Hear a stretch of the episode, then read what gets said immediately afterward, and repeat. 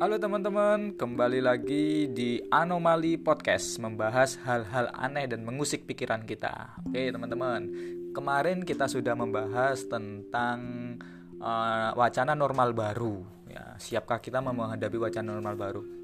Kali ini kita akan membahas isu yang sebenarnya isu klasik sih ya, tapi enam tahun belakangan ini sentar diangkat terus oleh sebagian kelompok yang menghendaki isu ini menjadi viral ya.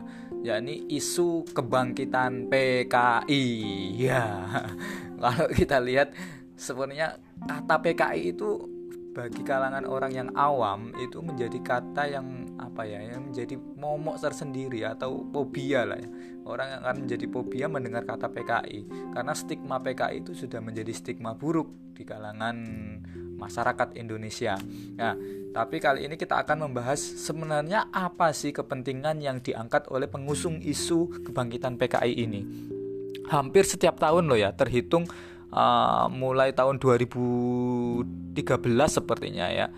Sampai sekarang 2020. Hello 2020 masih ngomongin PKI, kebangkitan PKI ya sedangkan kok ideologi secara ideologi sendiri komunisme itu sudah bangkrut ya hanya tinggal beberapa negara saja yang masih berkomitmen menjadi negara komunis contoh Cina seumpamanya tetapi Cina juga hanya meneruskan tradisi leluhur saja ya pada praktiknya juga komunisme uh, di Cina sudah berkorporasi dengan kapitalisme dan lain sebagainya.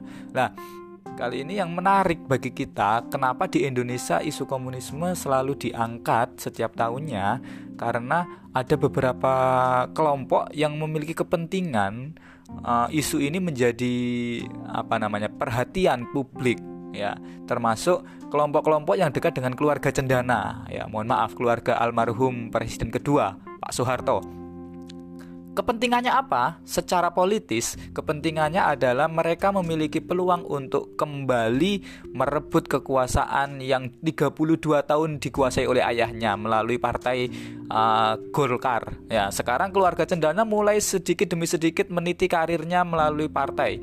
Ya, terlepas ke apa namanya kesuksesan Gerindra yang diusung oleh Prabowo Subianto menantu mantan menantu ya karena sudah cerai ya. Tapi masih memiliki hubungan yang baik dengan keluarga Cendana. Sekarang Tommy Soeharto ya membentuk partai baru yang tahun yang tahun kemarin sudah mulai masuk ini ya pemilu kemarin sudah mulai masuk tapi partai berkarya tapi gregetnya kurang. Nah di tahun 2024 ini mereka menargetkan untuk kembali menggolkan uh, kepentingan-kepentingan dari keluarga Cendana ini Nah, termasuk dengan salah satunya memainkan isu PKI. Kenapa? Karena Soeharto uh, dengan orde barunya, kekuasaannya, uh, segala stigma apanya, kekuatan yang telah dibangunnya itu apa namanya mulai menjadi apa baru apa menguasai Indonesia ketika beliau telah berhasil menumpas uh, komunisme di Indonesia bahkan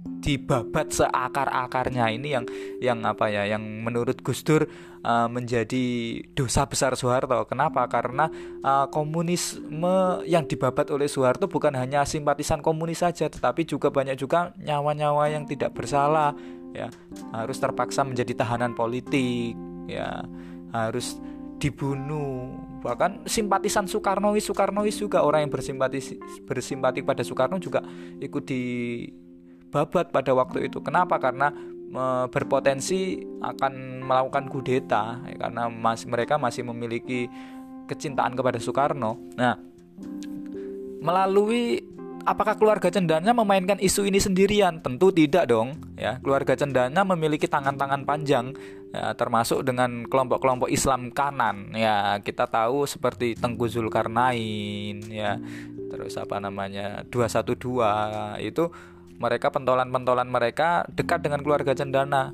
ya ini dimainkan ya memainkan isu komunisme kembali melalui kelompok-kelompok Islam kanan yang notabene sejak era Orde Baru dulu sudah dekat dengan Soeharto bahkan dipelihara oleh Orde Baru sengaja dibikin untuk apa namanya uh, underbow ya dari bawah mereka menjadi kekuatan basis massa dari bawah dari kelompok Islam.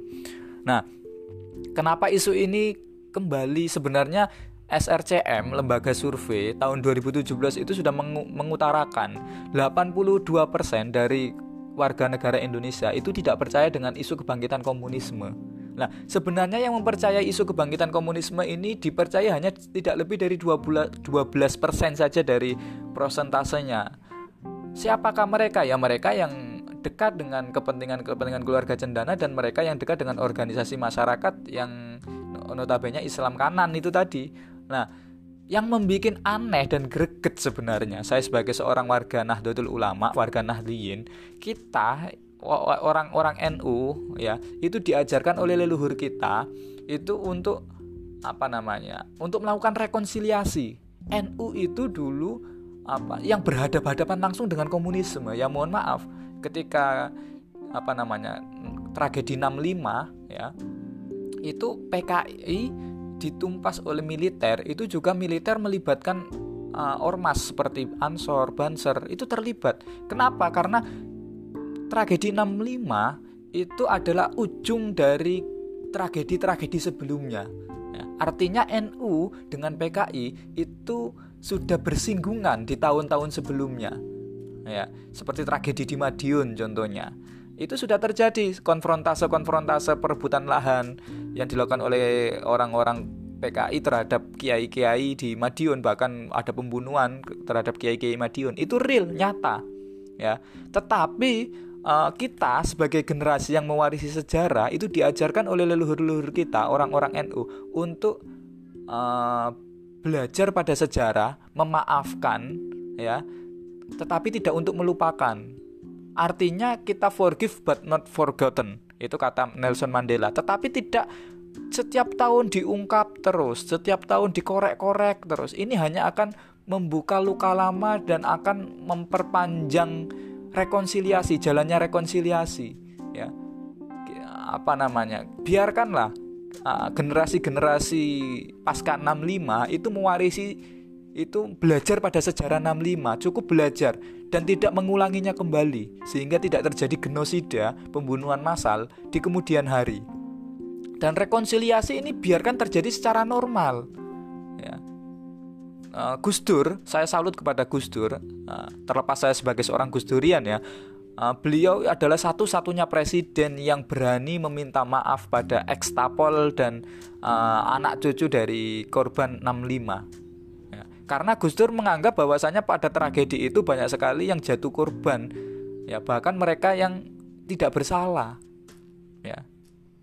Nah, ini yang apa namanya? Bahkan TAP MPR tentang larangan ajaran Marxisme Leninisme itu dicabut oleh Gus Dur pada waktu Gus Dur menjadi presiden. Ya, makanya uh, orang-orang baik seperti Gus Dur um, apa namanya? memerintahnya tidak lama karena ya diserang dari segala arah ya terlepas dari itu sebenarnya uh, yang bikin kita greget kembali lagi yang bikin kita greget adalah kita itu orang-orang NU yang dulunya berhadapan-hadapan itu sudah legowo sudah memaafkan sudah sudah melakukan rekonsiliasi dengan baik. Ya. Sedangkan mereka organisasi-organisasi masyarakat yang berdirinya itu baru-baru saja ya, dan tidak mengalami konfrontasi di era 65 itu malah yang lebih getol menyuarakan dan mengungkap isu-isu uh, kebangkitan PKI. Padahal isu-isu ini hanya isu yang sekedar rekayasa yang dibikin oleh mereka, rekayasa sosial yang dibikin dikonstruksi oleh mereka, dipercayai oleh mereka dan kelompok mereka dan selalu dipromosikan setiap tahunnya agar apa? Agar ini uh, mungkin ini yang dimaksud sebagai poststrat ya. Ketidakbenaran ini jika diungkapkan setiap tahunnya akan menjadi kebenaran. Ya. Ini era poststrat ya.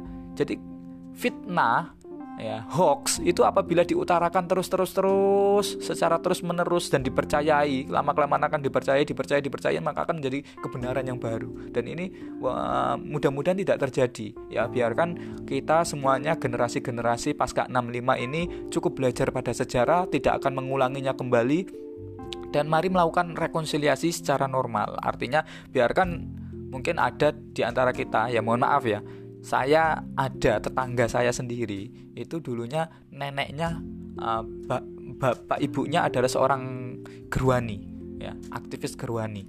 Tetapi kita hari ini anaknya menjadi seorang muslim anaknya menjadi warga NU anaknya bisa kerja di pemerintahan. Jangan diusik stop membuka luka-luka lama ya. Islah ini sudah terjadi secara alamiah ya jadi ini uh, jangan merusak kerukunan di antara umat di tataran bawah oke mungkin itu saja yang bisa kita bahas pada kesempatan kali ini nantikan pembahasan-pembahasan menarik lainnya hal-hal aneh yang mengusik pikiran dan keseharian kita di Anomali Podcast. Terima kasih.